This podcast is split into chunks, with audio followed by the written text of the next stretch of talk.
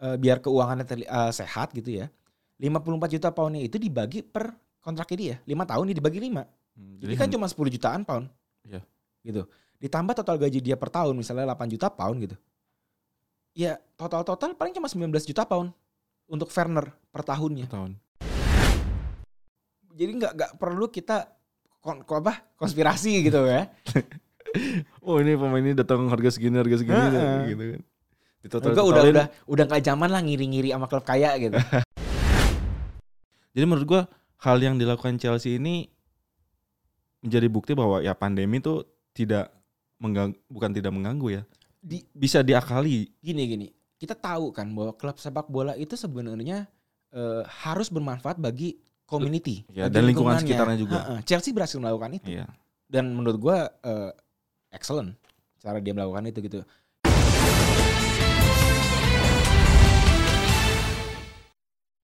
Kembali lagi di Super Soccer Podcast.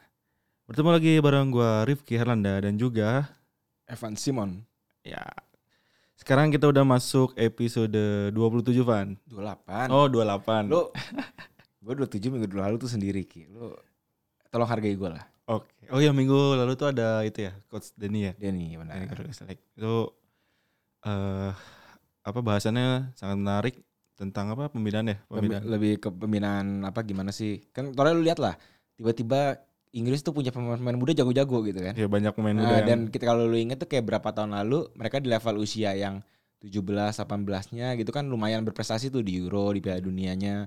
Jadi eh gue menanyakan itu kepada coach Denny dan juga baga- bagaimana tuh korelasinya dia gitu sama eh, apa pembinaan sepak bola Inggris juga dengan pembinaan Garuda Select kan anak-anak muda kita yang dilatih di sana. Menarik nih apalagi kan Liga Premier Inggris bakal mulai akhir pekan iya, ini. gue juga nanya kan sama dia kan tentang Premier League segala macam dan ya kalau lu dengar gak Dengar gue dengar. Dengar, berarti tahu dong apa yang ngomongin coach Iya tahu. Apa? Ya sebagian besar kayak gitu. Ah, yang begini-begini. Ya akhir pekan ini eh, Liga Premier Inggris akan mulai itu tanggal 12 September ya, hari Sabtu. Eh, mulai kick off pertandingan pertama tuh 18.30. Disiarkan langsung di Mola TV. TV. Semua pertandingan ya. semua pertandingan. Eh Tapi yang gue paling tunggu udah pasti Liverpool Leeds sih. Iyalah. Untuk pekan pertama. betul, itu juara Liga Inggris sama juara Liga Champions. Sebenarnya sih mungkin gak lu- terlalu apa ya? Gak terlalu Ya kalau rivalitas nggak terlalu ini sih menurut gua. Dan maksud gue ya liga juara Liga Inggris sama juara divisi 2 gitu. Ah. Gapnya tuh ada 20 ada 19 klub kan. lu nggak bisa langsung head to head ini juara ini juara ini kayak juara misalnya Liga Champ apa eh, juara Liga Inggris sama juara Serie A gitu atau sama juara La Liga sama juara Bundesliga kan nggak bisa. Hmm. In- tapi kan yang menarik adalah si Leeds ini klub yang tradisional gitu, Punya Tapi punya sejarah, udah lama nggak ke Premier League terus akhirnya naik dan langsung ketemunya Liverpool. Lu kalau kayak kalau lu 80-an udah lahir ya mungkin nontonnya persaingan mereka berdua kali. Iya, betul betul. Sayangnya kita belum lahir. Kita Ya apalagi muda. kan Leeds tuh di Championship musim musim lalu ya benar-benar mendominasi lah. dominasi. Dia yang ceritanya yang waktu musim sebelumnya lagi yang harusnya dia udah promosi Hmm. gara-gara lawan Aston Villa itu Itu sebenarnya gue mau nanya tuh ke Coach Denny apa jangan-jangan itu karma gitu kan dia ngintip derby tapi derby juga nggak lolos kan. itu menarik banget tuh pas itu. Iya perjalanan Leeds kan musim lalu di divisi Championship benar-benar wah lah menurut gua apalagi dengan nama besar Bielsanya. Selain di gitu. lapangannya sih gue menantikan kira-kira ada nggak nih keanehan-keanehannya Bielsa gitu, kegilaan-gilaannya Bielsa di luar lapangan yang bakal muncul di Premier League. Kan pasti jadi mas santapan menarik ya media sana gitu kan. kayak baskomnya ya, baskom Baskomnya. tempat duduknya mungkin bakal kita lihat. Oh iya benar benar benar benar. Ya sebelum kita bahas eh, prediksi nanti sedikit prediksi lah tentang Ya, nanti eh, pas kita bahas soal kita bahas. Kita bahas dulu update terbaru lah akhir-akhir Hmm. ini tentang ya apalagi sih selain transfer. transfer. Karena itu kan persiapan tim gitu ya menuju musim yang baru. Betul sekali. Ini Daripada kita bahas kontroversi yang baru itu dua anak muda itu kan oh yang mana tuh? kasihan ya. Tapi nggak apa-apa sih dibahas juga itu dijebak kayaknya itu berdua tuh. Emang polos gitu anaknya. Gue gue kenal Greenwood. Polos memang anaknya. Masa sih? Iya. Lu lihat mantan apa Instagramnya mantannya si Greenwood deh. Oh iya memang. Lu lihat. Has Robson. Cakep. Ini ini bukan ini kita bukan seksis ya. Ah, Bukan seksis ya gitu. yakin Menurut gue cakep, gua tahu menurut iya lu. menurut gua cakep. Ya udah. Menurut cakep, tapi yakin Greenwood polos. Polos, si muda. Cuman jago nyetak gol. Oke, itu ya udahlah jangan dibahas lah ya gitu ya. Ya nanti aja itu Nanti. bahasan. Mungkin ada bahasan khususnya episode khusus. Sekarang kita fokus dulu di Premier League nih. Oke, siap. Nih yang akhirnya ditunggu-tunggu sebenarnya Sama siapa? sama supporter MU. Oh, sama Greenwood. Enggak dong. Ya, Greenwood kan butuh temen, butuh Oh, baru. temen. Bener. Tuh. Ini yang ditunggu-tunggu menurut gua oleh supporter MU. Ya pasti Evan juga nungguin. Soalnya dia udah cuat-cuit nih di Twitternya klub-klub lain ngelakuin transfer, datangin pemain, dia nge-quote nih MU kapan nih?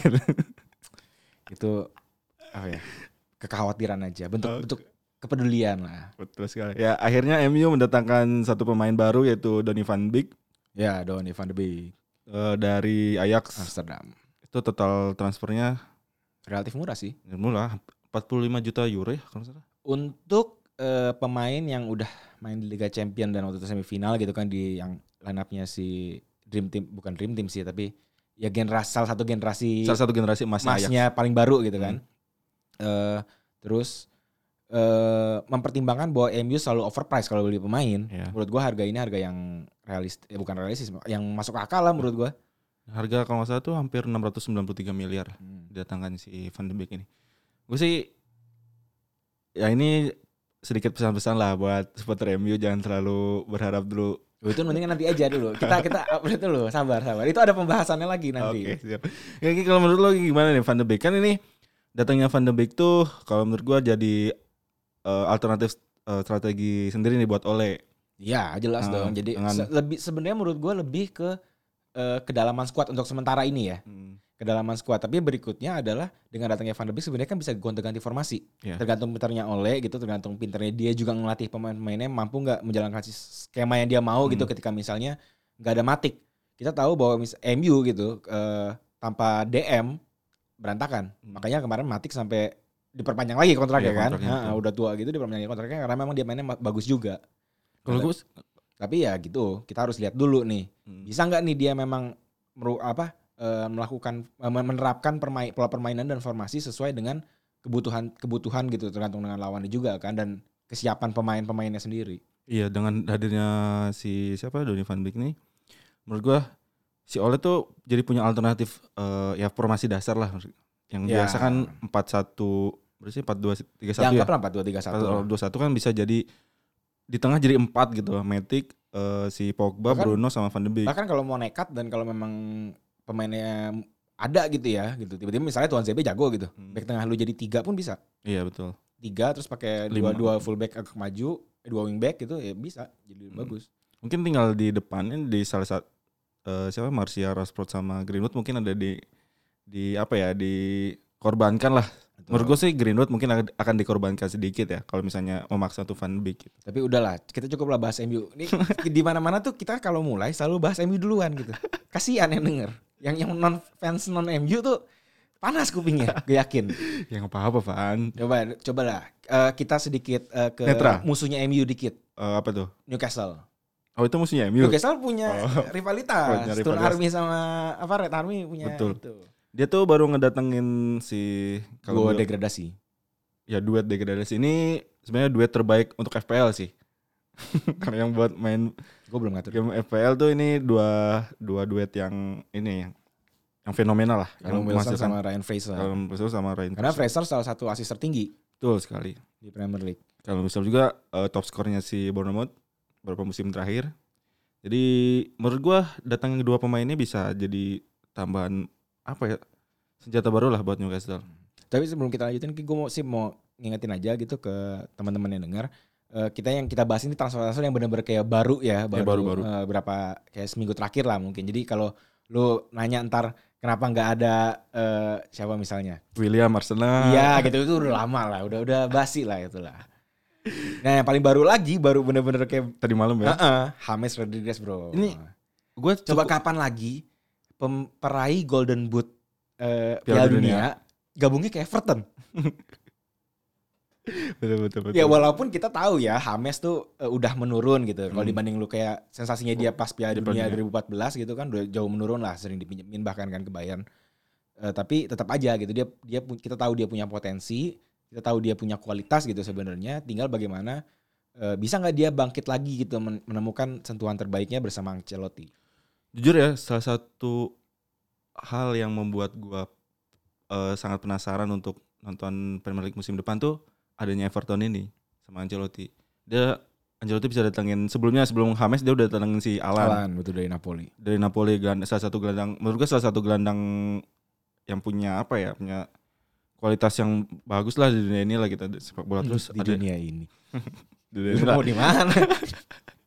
Terus da- dengan datangnya Hames, terus apalagi ada gosip bahwa dia mau datengin si Ismail Ismail Assar itu pemainnya Watford hmm. yang gelandangnya itu. Menurut kalau misalnya emang itu jadi, wah lini lini tengahnya Everton benar-benar gila sih. Masih ada Richarlison, masih ada Sigurdsson. Ya, itu benar. menjadi salah satu wah anjir nih Everton bakal jadi pengganggu sih. Sebenarnya kan memang ketika Ancelotti datang tuh kita sudah- juga sudah bertanya-tanya gitu. Ya Ancelotti punya nama besar sebagai pelatih gitu kan. Nama Tapi- besar tapi dan Tapi musim lalu memang belum maksimal. Hmm. Ya ini menurut gue menjadi musim pembuktiannya dia. ya maksudnya yang Ancelotti punya nama besar dan punya apa? track record yang punya pemain-pemain nama besar gitu. Hmm. Eh, si James, lo lihat gak sih pas jadi kayak James baru gabung gitu? Dia kan yang bawa ke Madrid tuh. Nah, iya yang yang muncul muncul gambar-gambar di Twitter tuh itu Benny Dolo sama Firman Utina. ya benar kalau dipikir-pikir Iya betul. pemain andalannya dia Maksudnya ya itu ke mana-mana ngikut. ini Everton udah mulai oh gila datang datangin pemain bintang nih oh, dia bakal jadi ya sebenarnya emang Everton kan selalu menyulitkan tim-tim papan atas kan Selalu dianggap sebagai kuda hitam walaupun eh, kita nggak nggak habis nggak apa ya maksudnya dilihat dari performanya berapa musim terakhir sebenarnya kan anggot-anggotan juga iya mm. nggak nggak nggak maksudnya nggak seperti yang zaman Moyes dia lolos Liga Champion gitu cuman tetap aja dia salah satu kekuatan yang sangat mungkin eh, mengganggu persaingan di papan atas gitu. Kayak bisa tiba-tiba menang ajaib. Yang pas MU disalip City yang Aguero itu kan gara-gara di tempat empat di Old Trafford. Mm, betul. Suwe banget itu. Gue masih sakit hati sama Vela ini tuh. Ya Vela ini menggolin mulu gang MU Aduh. dia tuh jago put cuma lawan MU doang Vela itu. Ya tapi ini kan musim transfer belum berakhir. Ya, masih- baru ditutup bulan depan. Bulan depan. Jadi masih Sampai- banyak rumor nih rumornya ya Ya paling banyak MU itu udah nggak bisa diapain sih. semua itu digoreng sama buat MU tuh Karena eh, ketika sebuah pemain ini benar-benar banyak kabar gitu ya. Katanya tuh kalau satu pemain udah dihubungin ke MU, harganya emang bisa naik gitu. MU sering dipakai namanya. Karena klub-klub eh, si agen-agen ini tahu si klub-klub ini eh kayak kalau misalnya MU udah tertarik nih, ntar bisa nilai kontraknya memang nambah karena dia tahu MU mau berani bayar gede. Karena dalam satu sisi ya balik modalnya bakal cepat juga Iya Iya sih? Ya pasti it- sih yang gencar banget dan ternyata belum kejadian, Sancho. ya meskipun itu, ada itu kita kita kayaknya udah bahas di beberapa episode gitu. setiap episode kayaknya iya. Sancho MU, Sancho MU ini jangan-jangan sama kayak ini nih siapa yang Benfica? oh Felix. Bukan. mana Yang zaman dulu banget. Ada satu pemain Benfica yang diisuin mulu ke MU setiap musim tapi kagak jadi-jadi. Eh aduh siapa sih Trivia ya buat minggu depan. Oh ini yang gat gat apa gatan apa Gaitan, gaitan Gaitan. Iya, Gaitan. Setiap musim kan dirumorin ke MU, kagak jadi-jadi. Iya. Anjing. ya ini kan apa si meskipun udah si pre, siapa presiden Dortmund ya bilang bahwa Sancho bakal tetap bertahan di Dortmund kan Hmm. terus apalagi udah ikut latihan bareng udah ikut Betul. uji coba bareng dan di rumornya kalau nggak dapat tahun ini ya tahun depan gitu Iya, tapi kabarnya kan maksud gue si Dortmundnya sendiri sebenarnya mau Masih, aja mau ngelepas, aja. cuman yang penting MU-nya mau mendingan nih. Berapa Yang penting ada 120-an duitnya. ya? 120 juta euro. Dan bukan Sancho doang, yang terakhir terbaru lagi adalah Sergio Reguilon, oke si backnya Madrid yang kemarin juara sama Sevilla. Itu katanya bahkan Madrid yang nawarin. hmm Sa- 25 juta euro apa 30 juta euro gitu. worth it sih menurut gua kalau misalnya emang Kalau ngelihat dia main sama Sevilla ya oke, tapi apakah cocok dengan pola permainan MU gitu? Maksudnya terus belum adaptasinya mungkin itu yang jadi pertimbangan kali. Nggak bisa sembarangan lu keluar duit terus eh, nggak yakin bahwa ini orang bisa adaptasi gitu, lu terlalu besar risikonya. betul. terus ada juga si Griezmann ya Itu aneh banget menurut gua. ya Ini kayaknya Karena cuma kan- ini kayak cuma buat ngancam Koman nih. lu mau mainin gua nggak kalau gue pindah ke MU nih? Gitu kan. kok Koman Ronald Koeman Koman sih bilangnya Ronald Koeman Bacanya apa? Koeman Eh gue gak tau lah orang Belanda. Gue gue Enggak, ini kan kalau menurut gue sih munculnya gosip ini karena si berhubungan dengan Messi juga sih. Kayaknya Griezmann sudah merasa tersingkir di Barca deh. Apalagi Coutinho balik Tapi lagi kan. tapi tapi feeling gue justru kalau ada Coutinho, Griezmann dan Suarez cabut, Griezmannnya bakal jadi false nine sama kayak di Atleti dulu. Hmm, boleh. Messi-nya di kanan, si Coutinho-nya di kiri, Griezmann-nya tengah. Kalau Suarez cabut. Terus ada juga si siapa nih Alex Teles ya? Ya, backnya Porto. Backnya Porto. Itu juga benar-benar baru banget tuh. Jadi ya kita tunggu aja perkembangannya. Ya tentu bukan MU doang sih yang eh, diliputi rumor juga ada juga Arsenal. Oke. Walaupun memang tidak sebanyak MU tapi kita tahu Arsenal masih nyari pemain lagi dan salah satu yang dicari banget adalah gelandang Hasan Luar. Oh, pemain Lyon. Lyon ya. Itu katanya ya lagi nego-nego terus tapi ditawar juga eh Guendouzi jadi tu- ba- Bartar. tukar tambah. Oh, tukar Tukar tambah, tukar tambah. Tapi katanya Lyon masih nolak, kita tunggu aja. Kemarin kan si Arsenal baru datengin eh, main belakang juga ya. Ya, Saliba sama aduh siapa satu lagi lupa. Ya ada satu lagi. Oke, back lah duet back Hmm. yang diproyeksi bakal jadi masa dep- duet backnya masa depannya Arsenal. Ya bis diharapkan bisa memperbaiki lini pertahanan si Gua sih- Arsenal sih. Kalau ngelihat kayak Arteta gitu ya mungkin percaya-percaya aja gitu jauh lebih realistis bahwa ini memang proyeksinya ke depan dan keduanya bisa bisa aja benar-benar jadi duet yang sangat bagus gitu. Hmm, betul. Terus gue sih kemarin sempat baca sedikit bahwa si Aubameyang udah mau tanda tangan kontrak nih, eh, tanda kontrak baru bersama Arsenal gitu. Mungkin ya, Ya, bagus lah. sih udah juara FA kan, Community Shield juga mainnya bagus. Betul. Gue wajar. Terus ini yang pasif sih menurut gue nih juara bertahan. Bertahan ya, iya benar aneh ya. Kenapa? Kayak Setahu gue tuh ya Liverpool eh, setelah dia juara Liga Champion, juara Liga ya Premier juara Premier League, pemasukan dia itu udah hampir udah mendekati MU gitu kayak nyusul gitu. Hmm. Pemasukan secara komersial ya. Tapi terus kok miskin? Betul. Mana duitnya? Bingung gua. Jangan buat bayar wasit kali itu. Dapat VAR MU terus ya.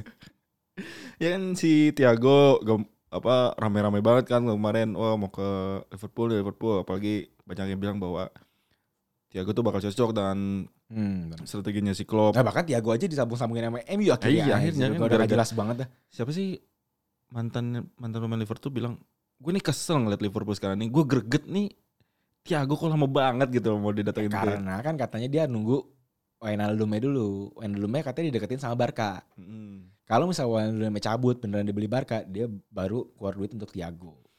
Betul sekali. Ya gue nggak tahu sih pertimbangannya karena kita nggak tahu ya kondisi keuangan klub masing-masing itu sebenarnya gimana Mm. gitu loh. Apakah memang sehat atau dia ini sebenarnya cuman ya realistis aja, realistis maksudnya kalau gue keluar duit sekarang dan gagal, kemungkinan ke depannya masih sangat bisa bisa fatal karena kita tahu eh, pandemi belum kelar gitu. Mm, Bisa aja tiba-tiba Premier League berhenti tengah jalan lagi kan. Yang ujung-ujungnya kurang lagi tuh pemasukan dari broadcast. Kayak gitu-gitu yang menurut gue memang pertimbangannya sangat sulit. Kalau tim lu nggak memiliki tabungan yang super duper eh, banyak, ya risikonya terlalu besar. betul betul sekali.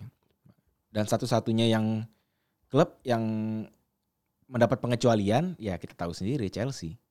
Pengecualian apa nih? Pengecualian dia kagak miskin gitu. Lu kan lihat transfernya. Gila sih ini Chelsea kayak anjir. Sekalinya sekalinya dikas- sekalinya dikasih jatah buat transfer. Iya ya bel- udah belakangan jangan. belakangan kan dia kayaknya anteng gitu ya kayak kecuan keluar sekali gede udah gitu dalam satu bursa transfer. Nah, ini tiba-tiba mecahin rekornya dia sendiri 200 juta total.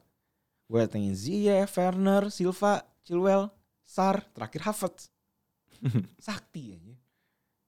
Gak kebayang lu. Iya sekali Chelsea. Dan Gila sih. lancar aja gitu muncul nih ru- rumor. Iya langsung dapet. Kayak lu bias MU di Sancho aja gak kelar-kelar gitu loh. Liverpool tuh Thiago gak kelar-kelar. Ini Chelsea an- gampang bener ngeluarin duit. Kayaknya mungkin siapa Mungkin dia gak kena pandemi kali ini Chelsea. orang Rusia Bray aman. Iya. Kayaknya si Abramovich udah udah cukup sabar kayaknya Ber- ber- berapa, berapa musim berarti ya mereka nggak juara. Terakhir tuh Conte kan. Conte. 4, tahun. 4 tahun ya berarti ya. 4 Empat. tahun kali. 4 sampai 3 tahun lah ya. Ya kan Liverpool. Terus City dua kali. Ya City dua kali. Leicester iya 4 tahun. Enggak dong. Eh Iya 4 tahun 4 tahun. Iya Chelsea Bukan. terus kan ya makanya ada Battle of Stamford Bridge. Tottenhamnya kalah jadi seakan-akan si Chelsea ngasih gelar ke Le- Leicester Hmm. gitu. Ya udah 4 tahun kayaknya udah nggak sabar sih si Abramovich ya udah apalagi hasil si Lampard musim kemarin kan dengan pemain-pemain mudanya moncer wah sekarang coba nih gua kasih bukan coba sih menurut nih gua kasih duit lu bangun tim nih Hmm, Oke. benar-benar. Tapi yang aneh Ki sebenarnya, bukan aneh sih, tapi ini fakta menarik gitu. Hmm. Pembukuannya dia pas 2018-19 sebenarnya minus 100,18 juta pound. Gua nggak tahu tuh rupiahnya berapa. Yang intinya gede Hmm. lah. Gitu. Tapi terus kenapa bisa pertanyaannya kan?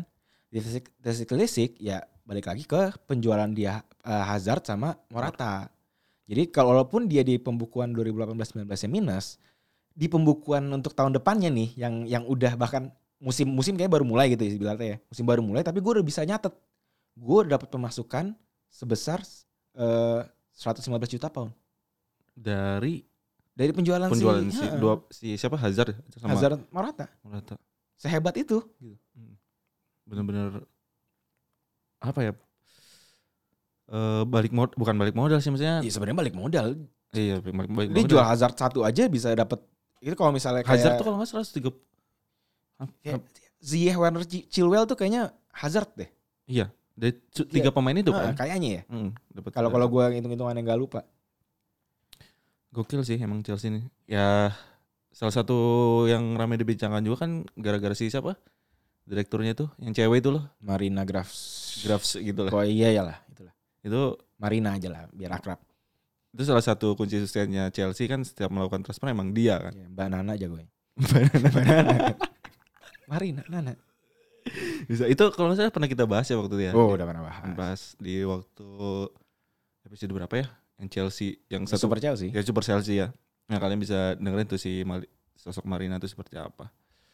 Terus Nah, apalagi Van? ada eh menurut lu nih, kalau gua sih dari dari bursa transfer ya pemenangnya Chelsea. Ngeliat dari bursa transfer doang ya. Oke. Iyalah, Setuju setuju gua. Eh, enggak hanya nggak, enggak. wala- walaupun sebenarnya lu masih ada pertimbangan bahwa ini pemain-pemain bisa nggak langsung adaptasi sebanyak ini. Mm-mm. Gak gampang loh. eh, sekitar kayak taruhlah dari enam pemain yang datengin, Sar doang yang gak langsung inti. Lima kan berarti inti kan. Mm. Bisa nggak langsung adaptasi? Itu belum tentu meyakinkan gitu. Ziyech aja kan cedera kan Hmm. lawan Brighton kemarin uji coba langsung cedera. Tapi seenggaknya menurut gua dengan dia mendatangkan langsung pemain ini dan kita tahu semua kualitasnya gitu. Mm. eh, itu udah menjadi kayak peringatan. Weh anjing, gue mau gua mau dapetin gelar juara nih gitu loh. Yang macam-macam lu, bener kan? Iya. Orang langsung, dek, aduh, iya ngeri juga nih Chelsea ini. Bisa jadi ini sih maksudnya tantangan tersendiri ya buat Chelsea dengan kualitas yang mereka punya. Ya masa iya gua nggak bisa apa nggak bisa menunjukin bahwa ya gue salah satu penantang juara musim depan gitu. Iya, dan menurut gua kayak ibaratnya nih, harusnya tuh klasemen kan kita tahu kalau di awal tuh menurut alfabet. Arsenal yang juara Iya, harusnya kan. Menurutnya kalau kalau gue dengan hasil transfer ini udah Chelsea aja yang di atas lah udah. Iya.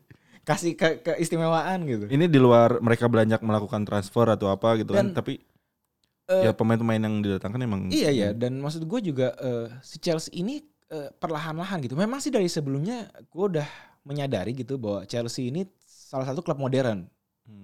Yang yang lu gonta-ganti pelatih nggak masalah gitu tapi tetap bisa juara per berapa musim gitu. Bahkan dua Hmm. musim berturut-turut kalau memang lagi beruntung. Bukan beruntung sih lagi hebat gitu ya. Eh bagaimana manajemen klubnya itu loh yang menurut gue bagus. Jadi contohnya nih ya. Eh Werner kan harganya 54 juta pound.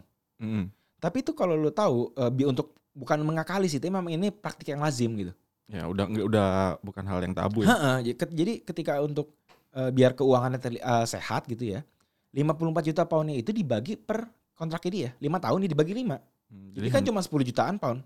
Iya. Gitu. Ditambah total gaji dia per tahun misalnya 8 juta pound gitu. Ya total-total paling cuma 19 juta pound untuk Werner per tahunnya. tahun. Nggak langsung 60. Hmm. Eh berapa tuh berarti? Harusnya kan 100 bahkan ya. Betul. Harus 100 itu. Langsungnya saat, tapi dia nggak masukin langsung 100 sih, cuma masuknya cuma 20. Jadi dia setiap tahunnya tuh tidak sebenarnya Jadi memang meski secara legal realistis gitu. iya. Jadi nggak nggak perlu kita kon, ko- apa konspirasi gitu ya. Oh ini pemain ini datang harga segini harga segini Heeh. gitu kan. Enggak udah udah udah nggak zaman lah ngiri-ngiri sama klub kaya gitu. Kalau zaman dulu kayak 2004 2005 kita boleh ngiri. Iya. Sekarang mah udah lewat lah masanya. Betul sekali. Ya jadi ya emang setiap tahun nggak akan ngeluarin ngeluarin apa yang ngeluarin uang banyak juga nih Chelsea sebenarnya. Nah, dan kita kan tahu Abramovich itu salah satu pemilik yang memang paling dipuji Ya. di Chelsea Semenjak di Premier League ya. Semenjak dia datang menang, ngambil Chelsea kan. Heeh, gitu. Dia bukan bukan cuma ngeluarin duit yang sembarangan doang gitu. Dia juga ngebangun klubnya, ngebangun lingkungannya, ngebangun komunitasnya. Hmm.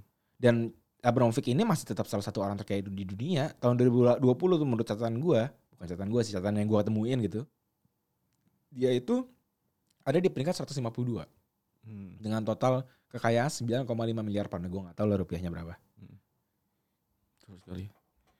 Tapi yang jadi satu perhatian gue sih si Chelsea ini berhasil mengontrol lah tanda kutip narasi publik bahwa gimana tuh selama masa pandemi ini mereka masih aman-aman aja gitu. Bahkan mereka membuka hotel salah satu hotelnya itu untuk Hmm. tempat istirahat si NAS-nya itu apa Eh, tenaga kesehatan Ya, itu kan. Terus eh, mereka juga tidak merumahkan karyawan-karyawannya. betul kayak tetangganya nggak tetangga sih Oh, tapi iya. inilah rival satu kota itu lah Terus- nggak perlu disebut Terus tidak juga nyadar diri aja ya Oke lah. Dong nyadar diri aja siapa tuh yang ngeluarin duit gitu buat beli pemain mahal kan pemainnya masih digaji mahal tapi terus lo mecat karyawan lu sendiri gitu. Oh, Oke. Selain itu mereka juga kan nggak ngambil subsidi ya dari, dari pemerintah kan. Nah, skema overload yang banyak klub sebenarnya Newcastle ya kalau nggak salah itu siapa lagi Hmm. Ah, Liverpool sempat Sempat kan tapi dibatalkan Batalkan. kan Nah, terus eh, mereka juga mengizinkan si staff medisnya di klub untuk membantu tenaga Rumah tenaga sakit. kesehatan di rumah sakit. Jadi menurut gua hal yang dilakukan Chelsea ini menjadi bukti bahwa ya pandemi itu tidak mengganggu bukan tidak mengganggu ya. di Bisa diakali. gini gini kita tahu kan bahwa klub sepak bola itu sebenarnya eh, harus bermanfaat bagi community Ya, bagi dan lingkungan sekitarnya juga. Ha-ha. Chelsea berhasil melakukan itu Iya. dan menurut gua eh, excellent cara dia melakukan itu gitu ini kan sebenarnya sama aja kalau lu mau nganggep ya kalau lu selalu nganggep korporat itu jahat lu selalu Hmm. ber- iya kan berpikirnya selalu begitu gitu lu mau punya gaji 10 juta lu berpikir lu kaum proletar, proletar juga sampai mati bakal begitu gitu Hmm. iya ini kan sama aja sebenarnya kayak CSR Oke. tapi berguna untuk masyarakat gitu loh Hmm. jadi Ya, lu memang dia akhirnya oleh publik Inggris persepsinya adalah ya nggak ada masalah dia keluar duit gede sebenarnya ya ketika lu gue inget kok awal-awal pandemi itu menyerang gitu kan keuangan udah mulai kolaps tuh di semua negara bukan kolaps sih maksudnya menurun lah itu tuh gaji-gaji pemain pada dikritik semua Ya. tinggi Hmm. tapi Chelsea ini setelah dia keluar 200 juta pound gak ada gue hampir nggak pernah nemuin berita oh, yang nyerang bahwa lu ngapain sih keluar duit gede? Lu nggak lihat kondisi gua apa? Lapar? Nggak pernah. Hmm. dan itu ketolong Abramovich juga. Jadi gue pernah baca eh, jadi itu ada kayak eh, penggalangan dana gitu ya. Jadi untuk eh, para refugee yang eh, kena kasus eh, ini ke KDRT Oh, jadi katanya oke. itu meningkat. Selama pandemi itu selama di lockdown tuh meningkat di Inggris. Hmm. kelompok supporter Chelsea melakukan penggalangan dana sebesar 200 ribu pound Hmm. Abramovich ngeluarin duitnya sendiri dari kantong dia 200 ribu pound sejumlah sama itu jadi doublein Dan hampir 400 ribu pound ya Hmm. untuk membantu si Jadi lu bayangin aja seberapa sayangnya fans Chelsea itu kepada Abramovich. bahkan mungkin lu nggak perlu fans Chelsea Ya maksudnya orang lu pasti lu fans Arsenal yang mungkin tinggal di situ pun gitu atau lu fans Fulham lu pasti respect sama orang kayak gini ini udah di luar masalah sepak bola ya, olahraga olahraga. Ya itu jadi ya aksi-aksi yang positif yang dilakukan si Abramovich dan Chelsea itu menjadi menjadi apa ya? eh, membuat mereka tuh terbebas dari tekanan klub ya buat irit gitu. Hmm. Jadi kayak ya empati masyarakat yang tadi lo bilang itu bakal respect juga gitu ke Chelsea. inilah maksud gua ini menurut gua mungkin gua agak sedikit lebay dan agak sedikit generalisir ya tapi menurut gua apa yang dilakukan Chelsea adalah eh, peaknya eh, fungsi klub olahraga modern Oh ya oke. Gue setuju. walaupun ya lu bisa aja lu balik lagi lu nyerang lagi gitu dia. Pengeluarannya terlalu besar gitu sebenarnya duitnya misalnya lu bisa eh, untuk apa eh, sumbangan lah untuk apa gitu kan. Tapi sekarang Pembinaan logikanya gini aja. Kalau gue jadi Abramovich gue udah melakukan gue udah melakukan eh, hal-hal yang CSR-nya itu gitu. Em, untuk mendukung masyarakat mendukung si tenaga kerjanya tapi di satu sisi gue juga butuh pemasukan untuk klub gue dong biar gue nggak pecat pema- apa pemain gue Pemain. Heeh, gitu. Walaupun gue bilioner ya yang balik lagi tuh selalu semua tuh selalu pasti ada aja yang bisa diserang. Tapi gue secara pribadi menganggap apa yang dilakukan Chelsea sudah baik gitu. Tapi ya tetap aja Ki. Dia menang di sini nggak berarti dia akan sebenarnya menang di Premier Premier League. League. Betul. Kita nggak bisa langsung ini dia walaupun masa coba lu mau dia ini artinya dia beli trofi. Setuju nggak? boleh boleh gue. Ya Siapa tahu kan persepsinya Premier setuju gue. Oh iya. Abramovich baik nih. Kasih aja dah trofinya ke dia. ya nggak Eh. gitu juga anjir. Tapi kalau misalnya emang melihat skuad Chelsea yang eh apa sekarang ini ya gue sih gue cukup cukup percaya diri sebenarnya Van menaruh nama Chelsea itu di urutan pertama untuk calon juara. Satu, Gue gue cukup cukup yakin gue. Ya kalau ngelihat dari Iya kalau melihat dari skuadnya. iya itu itu Apalagi ini kan Chelsea belum sih. beres nih transfernya masih tapi ada- kayaknya udah anteng deh. Chelsea masih masih Masih nyari kiper kan. nyari kiper. Nah kalau dapat dapat satu kiper gue sih Kalau dapet oblak sih gue matiin TV anjing. gue gue cancel subscribe mola aja. Gak mau nonton gue. Makasih lah. gue sih cukup gue cukup kalau ini persepsi gue ya kalau gue sih cukup cukup op- optimis untuk memasang Chelsea di urutan pertama. Apa yang mereka lakukan di bursa transfer eh, di musim panas sih ya emang gila sih Iya, kalau di minggu pertama sih gue masih belum inilah. Belum belum saya gue belum ketemu siapa sih yang bakal yang yang berani gue tempatin di tempat pertama gue belum. Tapi kalau dia menjadi penantang hampir 99%. Hmm. Harusnya ya sampai akhir musim dia 99% bakal jadi penantang. Dan eh, tentu saja kalau buat gue sama dengan sama dengan Liverpool dan City. Hmm. oke kalau Liverpool kalau gue sih Nah, masih agak Gimana sih, agak Pan? aneh Soalnya- dia nggak transfer itu loh. iya Kalau dapat Thiago sih, misalnya Wijnaldum dan keluar yang didapat Thiago, menurut gue dia masih masih sebenarnya kan favorit. gini loh permasalahan Liverpool musim kemarin tuh tim keduanya pelapisnya Hmm. Se- Karena- menurut gue bukan pelapis sih, lebih kepada eh, dia itu kemarin di setengahnya di paruh pertama yang ketika dia menang terus-terusan gak kalah-kalah Hmm. dan cuman kalah cuman seri sekali lawan MU gitu sampai akhirnya kalah di Watford. Dia itu bisa main buruk tapi kemudian menang. ya Tapi ketika sudah kalah dari Watford dan apalagi men- apa setelah pandemi setelah ya itu mulai tuh kelihatan tuh main jelek ya seri gitu. Hmm. Walaupun dia juga setelah kebanyakan kan sebenarnya hilang poinnya setelah juara ya. Jadi hal-hal kayak gitu yang menurut gue harus kita lihat lagi gitu di musim berikut di barunya ini, baru kita bisa eh, mengambil kesimpulan yang lebih apa ya lebih tepat menurut gue. Karena kan beberapa pemain si cadangannya juga pe- pelapis ya, bukan bukan cadangan. Pemain tu- pelapisnya itu ada yang mau bakal cabut juga kayak Sakiri kan digosipkan bakal cabut juga. Terus siapa lagi ya? Si Origi juga beberapa pemain tuh. Jadi ya ini menurut gua sayang banget gitu kalau misalnya Liverpool nggak ng- mendatangkan pemain baru minimal ya minimal sekelas untuk sekelas baru baru datang si siapa back kiri doang kan si si Nggak tahu. Miskas Gak tau gue Si- kayaknya bakal dimainin. si Miskas itu Bodo tuh amat. itu bisa jadi ya menurut gua minimal minimal kayak gitulah pemain-pemain yang kayak gitu ditangin kalau mau man- manfaatin pemain-pemain akademinya Gini gue gini. yakin Eh, gue lebih tertarik ngomongin kayak gini. Jadi di Amerika itu ada istilah namanya Champions Window. Satu periode di mana sebuah klub, ini kayak gue lupa kayaknya NBA ya. Termnya dari NBA, entah dari NBA, entah dari M- eh, apa MLS, entah dari NFL. Seingat gue NBA. Jadi satu term di mana sebuah klub memiliki eh, peluang untuk menjadi juara, mengukuhkan dominasinya selama misalnya beberapa musim berturut-turut gitu.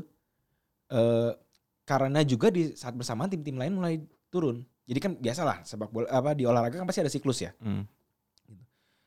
Eh dengan kondisi sekarang kita ngelihat Chelsea-nya makin naik apa, apa transfernya gitu ya. Terus City-nya juga pasti berbenah kan. Oh dia udah datengin walaupun datenginnya baru pemainnya sebenarnya rela- untuk kelas itu relatif nama kecil ya iya gitu. Eh terus di saat bersamaan juga tim-tim lain mulai berbenah, MU, Arsenal, championship window-nya, Champions window-nya si Liverpool ini menurut gua udah makin udah mulai ketutup nih. Hmm. Sedikit-sedikit tuh mulai nutup gitu. Selama dia belum bisa membuktikan eh, di sisi transfernya. Karena eh, secara bukan secara logika, kalau kita ngelihat sejarah sepak bola gitu, hampir jarang sekali klub yang memang tidak melakukan sesuatu sama sekali gitu berhasil mempertahankan gelar juara. Minimal pasti ada satu atau dua pemain bintang baru deh yang datengin. Hmm. Iya. Itu makanya Liverpool bisa nggak nih seperti itu menurut lo?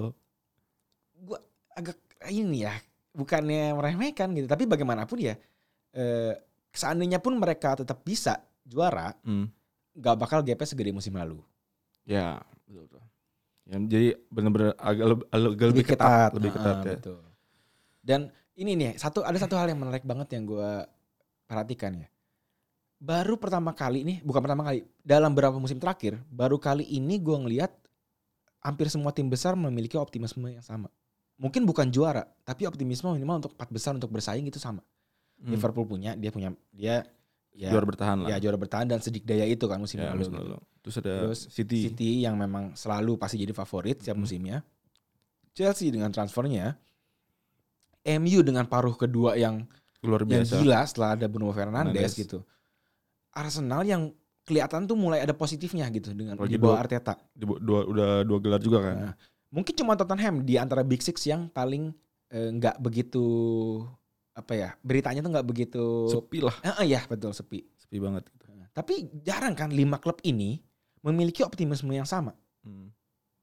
Jangankan dari pihak klub mungkin pecinta sepak bola Inggris, Iya, iya. supporter-supporter kayak Biasanya kan pasti ada di antara lima ini gitu. Pasti ada satu atau dua yang anjing ini empat besar juga udah ketebak. ajaib lah gitu loh. Ah, iya. Sekarang ini mereka semua bisa bersaing dan menurut gue si, eh, bisa saling kepleset. Gue nggak nggak bakal kaget kalau misalnya Liverpool dan City pun kepleset gitu. Hmm. City kita lihat musim lalu udah berapa kali kepleset gitu. Hmm. Jadi nggak apa nggak sangat mungkin gitu mereka kembali kepleset di di laga-laga krusial. Ya bisa itu tiba-tiba dari Arsenal gitu. Yang selama ini dia selalu menang kan. Arsenal beberapa kali. Arsenal menang. iya. Oke, menarik nih. Kita tunggu aja nih Liga Inggris kayak gimana. Dan jangan lupa juga Ki di persaingan ini nggak bisa terlalu kita ngelihat secara musim musim normal ya. Iya, iya. Karena kan masih ada COVID COVID-19 Covid masih yang belum beres-beres nih. Gila, gitu. Jadi nggak bukan bisa aja tiba-tiba satu pemain positif gitu. Gak bisa Pemain main. bintang, ha Ya itu yang menurut gua sangat mungkin sih mempengaruhi ntar hasil akhirnya gimana. Karena kan baru ada berita baru lagi ya si pemain City Mahrez sama Laporte kan dikabarkan positif. Ya walaupun mereka liburan sih. Iya, liburan. Nah, Dan kan kalau misalnya musim udah jalan kan lebih apa ya lebih ketat. kayak Ha-ha. ketat. protokol mereka Betul. tuh lebih ketat. Eh, Mungkin ada pesaing baru nggak? pesaing baru mungkin Ya di luar Big Six lah. ya kalau kalau lihat dari musim lalu kan mungkin yang muncul tuh kayak Wolf, terus ada Sheffield, Leeds, Le- Leeds. Le- Leicester. Leeds Leeds menurut gua Si- siapa tahu di titik juara lo biasa lu. kayaknya masih masih masih masih kalau misalnya lihat si transfernya Leeds musim ini ya kan baru ngedatengin si Rodrigo kan penyerang Spanyol terus, terus ada eh, beberapa pemain divisi Championship juga yang pindah gitu kan kayaknya Leeds masih agak susah sih untuk bersaing untuk juara ya Juara tapi sih, juara sih agak ini sih agak muluk gitu loh. iya tapi kalau misalnya kita prediksinya bisa masuk zona Eropa atau papan tengah sih betul. ya bertahan pasti bertahan sih Bertahan. menurut gua harusnya bertahan. harus bertahan Bahkan dia kalau misalnya juara mimpi apa mimpi juara gitu menurut gua bukan muluk gak tahu diri. udah kelewatan itu. Shef- Sheffield aja tuh udah paling ajaib kan kita lihat Iya. musim lalu gitu. Tiba-tiba langsung di empat besar gitu. iya bahkan Oh, anjing. Wah ini Sheffield nggak bahkan nggak nggak kita perhitungkan banget kan musim lalu. Nah, iya iya kaget lah. Hmm. Tiba-tiba dia bisa ke zona Eropa anjir tim baru promosi. Kapan lagi? Terus Dan kalau makanya paling kan yang realistis adalah si Leeds mengulangi eh, pencapaiannya si performanya si Sheffield itu. Ya. Ya, kita nggak tahu kalau ternyata dia bisa lebih ajaib lagi ya. ya tapi ya menurut gue sih bertahan tetap ba- bakal bertahan sih. Tahan, betul. Untuk untuk terdegradasi kayak beberapa kesebelasan kayak Norwich musim lalu gitu kan. Ya mungkin untuk Leeds menurut gue bakal tetap bertahan sih. Sejujurnya ketika Leeds degradasi, Leeds masih di Premier League, gue belum nonton bola. Jadi ini bakal pertama kalinya gue nonton Leeds di Premier League. Oke mantap. Terus ada juga ya kita bahas sedikit bukan bahas sedikit lah kita Bukan ya selain Leeds kan tadi lu sebut-sebut nama klub lain gitu ada ya. juga Wolves, Sheffield. Yang tentu kita tahu ini dua nih sebenarnya udah kayaknya udah gatel banget tuh gak lu? Anjing udah tinggal selangkah lagi. Gue gue pengen nemuin di Eropa. Gak bisa, aduh. Ada juga Leicester mungkin Leicester Nah, Leicester ini menarik. Ki. Kalau misal kita tahu dia di musim lalu gue bilang lagi dia punya dua eh, babak dua episode. ya Paruh pertama, paruh kedua gitu. Kalau misalnya di awal-awal ini dia masih kayak di paruh kedua, Rodgers nggak lama dipecat. Betul sekali. Apalagi kan si siapa ya? Si Madison sebenarnya udah tanda tangan kontrak, tapi mungkin di awal-awal pekan mereka bakal kehilangan Madison juga dulu nih karena masih cedera juga kan si Madison. Terus kehilangan Chilwell gitu. Oh iya. Bakal bakal gimana gitu Leicester kita lihat. Kalau misalnya lo bilang tadi apa yang dilakukan Leicester nanti musim depan sama di seperti yang mereka lakukan di paruh kedua musim lalu. dipecat nggak itu lama ya habis. dipecat Rodgers. Ya betul sekali, setuju. Mungkin Everton sih agak sedikit mengganggu nih. Everton bisa jadi eh, kuda hitam yang diperhitungkan gitu untuk Iya. memperebutkan posisi itu ya. Ya minimalnya po- posisi 456 lah. Betul. Saya dapat itu. Ya Tottenham juga sih. Kita kasihan nih Tottenham nih. Gue udah nonton loh itu si Si dokumenter ya? Tapi baru yang paruh pertama kan karena yang paruh keduanya baru muncul yang tiga episode lagi terakhir. Ya kan baru 4 episode kan. Tiga. Tiga ini yang empat ada yang ekstranya udah ada. Oh udah. Udah ada. ada keluar yang ekstranya. Lucu sih itu gue nonton. Mourinho sih Tapi- seru sih memang. Tapi sedikit baca ba- bahas Spurs nih Van. Gue sih masih kayak nggak terlalu optimis ya di musim per, musim 2021 2000 2020 2021 nanti Spurs bakal jadi salah satu pesaing sih agak sulit sih menurut gue. Ya gue juga nggak very pede banget Eh, untuk mengungkap mengatakan itu gitu. Hmm, Kayak meskipun lu tau lah Mourinho kan omongannya ya gue bakal bisa bawa Spurs ya juara lah kasih trofi gitu tapi kayaknya masih masih kurang lah melihat apalagi kan mereka baru kehilangan Vertonghen di lini belakang terus yang belum tapi datang tapi gini, yang gue lihat dari Mourinho gitu ya. eh, dia ini kan memang salah satu kemampuan terbaiknya sebenarnya pemain-pemainnya tuh eh, deket sama dia. ya Jadi orang sering bilang kan gitu Hmm. kayak ya udah gue respect sama nih plat nih manajer gitu. Eh dan di Spurs ini bisa jadi pro, di proyeknya dia tau gak lo? MU terlalu besar kan, hmm, jadi dia nggak nggak bisa sembarangan gitu. Eh sedangkan si Chelsea juga dia kolaps waktu itu di musim Ketiga. ketiganya. Heeh. Tottenham bisa jadi gue maunya begini, lu ikutin ya. hmm. apalagi dapat dukungan si Levy-nya lumayan ini kan Heeh. Si Daniel Levy itu Jadi menurut gua kalau misalnya si Mourinho diberi diberi keleluasaan gitu. Dan kita tahu sendiri si Tottenham walaupun sama Pochettino gaya mainnya atraktif gitu. eh, menarik. Sebenarnya kan nggak nggak apa ya, nggak istimewa-istimewa banget yang kayak revolusioner kayak si eh Klopp gitu atau misalnya si Guardiola Hmm. dia kan lebih kepada bagaimana dia mengembangkan pemainnya gitu lebih bukan aku lupa apatis bukan apatis. Apa Mourinho ibaratnya yang Apaan? istilahnya dia Ya, pragmatis. oh pragmatis.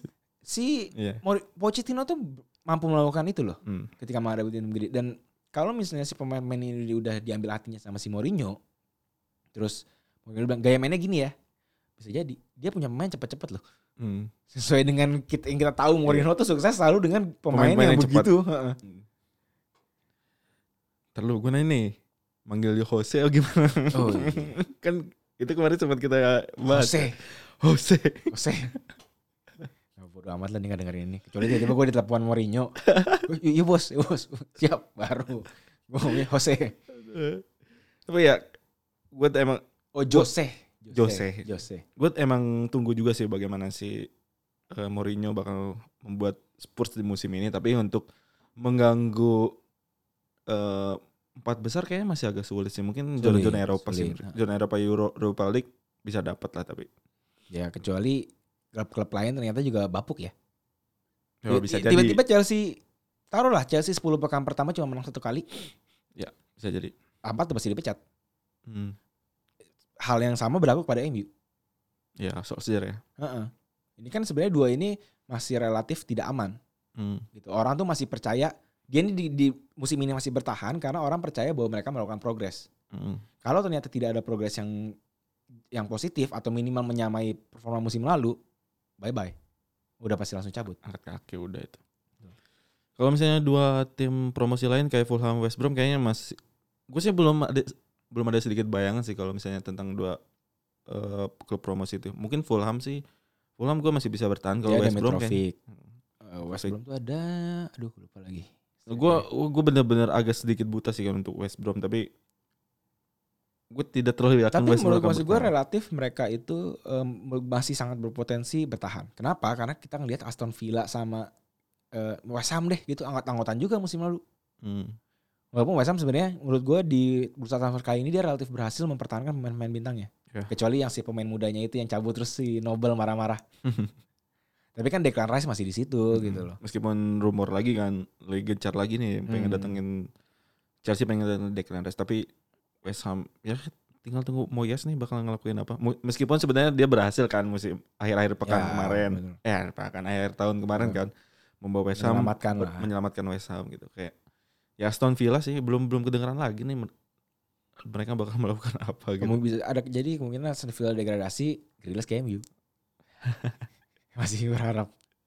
Dia belum melakukan debut ya Grealish ya di, Di Inggris. Inggris. Di Inggris meskipun udah dipanggil. Oke, itu tadi prediksinya. Langsung deh.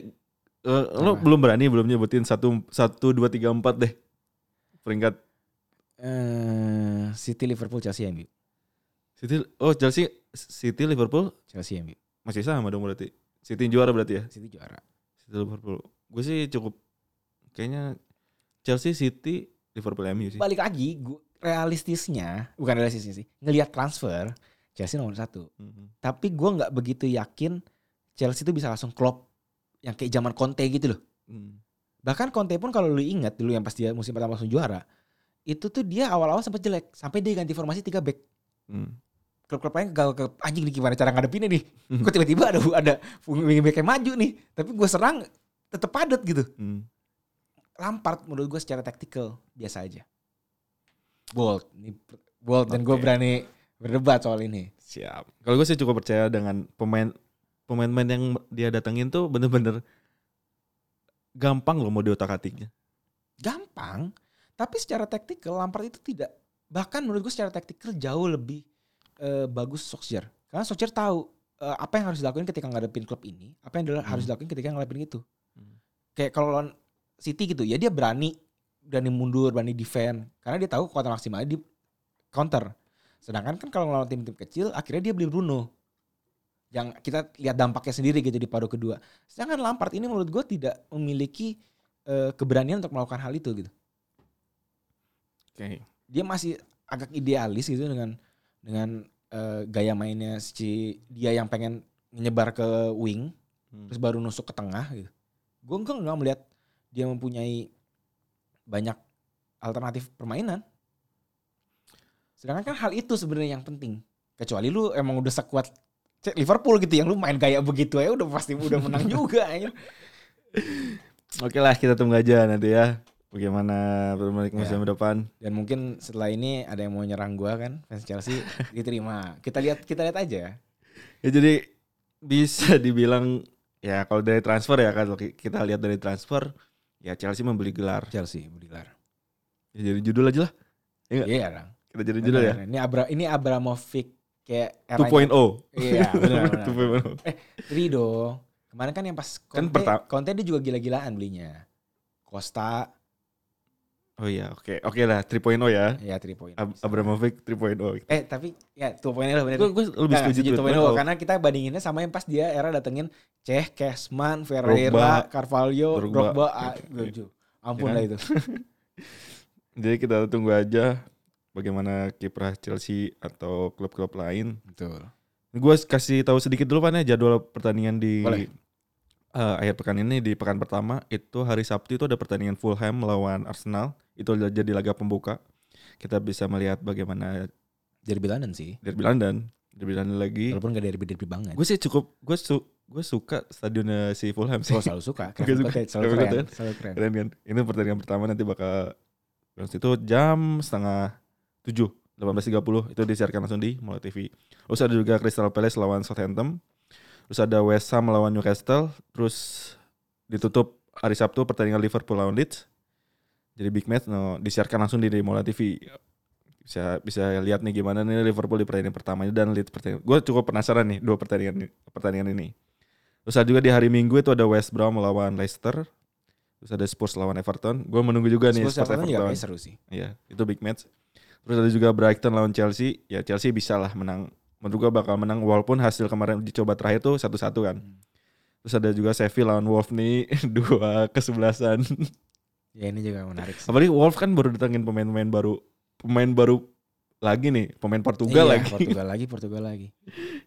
Terus ada empat kesebelasan yang nggak main ya ada Manchester City, terus ada MU, Aston Villa sama Burnley. Burnley. Karena kan si MU sama Karena beda kelas sama yang lain lah kita. kayak kita mainnya di Eropa Iya. kemarin. Jadi itu dikasih apa dikasih libur lah, libur Iya, tambahan sama. Premier League. Baru mulai nanti pekan selanjutnya, pekan dua. Tapi selagi nunggu, lu harus mantau juga UEFA Nation League coy. Jangan-jangan ada yang cedera nih. Iya enggak? Kemarin itu aja si Zaniolo udah cedera tuh Iya cedera. Roma. Kan tiba-tiba misalnya eh, siapa? Havertz cedera? Havertz kan nggak main. Oh, iya. War Werner, Werner. Werner udah main dua kali ya. Udah udah main, udah beres. Ya siapa kek cedera lah, yang penting jangan main MU lah. jangan Bruno dah. Kalau Bruno cedera sih gue. Portugal masih main. Portugal. Ini kita recordnya hari Selasa ya. Ya. Hari Selasa tanggal berapa nih? 8. Hari Selasa tanggal 8. Nah, ini malam uh, malamnya itu ada Europa League. Europa Europa, Europa League. UEFA Nation League. Jadi itu uh, apa? Pertandingan terakhir sih UEFA Nation League. Oke, kita tunggu aja pertandingan Premier League musim 2020-2021. Ya. Mungkinkah ada juara baru? Atau Liverpool menyamai rekornya MU? Wah, jangan deh. jangan gitu dong. Tapi ajaib dong kalau mereka juara dong. Misalnya nggak melakukan transfer gitu. Ya ajaib sih. Uh, ya kan. Lo harus akuin berarti Klopp tuh benar-benar harus dibuatin patung tuh di depannya Anfield tuh. Betul. Ya jangan lupa pertandingan semua eh sorry jangan lupa pertandingan Jangan lupa semua pertandingan Premier League musim depan itu disiarkan di Mola TV. TV. Kalian bisa langsung download aplikasinya, terus tinggal pilih paket langganan. Betul. Uh, kalau satu musim tuh cuma bayar dua ratus lima puluh ribu deh. Betul. Satu musim cuma bayar dua ratus lima puluh ribu, lo bisa nonton semua pertandingan Premier League, Bundesliga, Bundesliga, terus ada juga Liga Cina, terus Piala Belanda, Belgia, Piala, uh, Liga Belgia, Libertadores, terus agenda-agenda timnas, terus apalagi hmm. Garuda Select juga bisa nonton di situ. Betul. Terus acara-acara uh, apa? Tentang pelatih pelatih legendaris atau pemain-pemain ya, legendaris eksklusif semua ada di konten-konten eksklusif Premier League semua ada di situ. Langsung aja download aplikasinya dan pilih paket langganannya. Kalau dibagi-bagi cuma dua puluh tujuh ribu per bulan, kayak beli di ya, boba. Boba lebih mahal kan kan? iya, boba lebih mahal. Oke, cukup Van ya? Cukup. Sampai ketemu lagi di episode selanjutnya. Bye. Bye.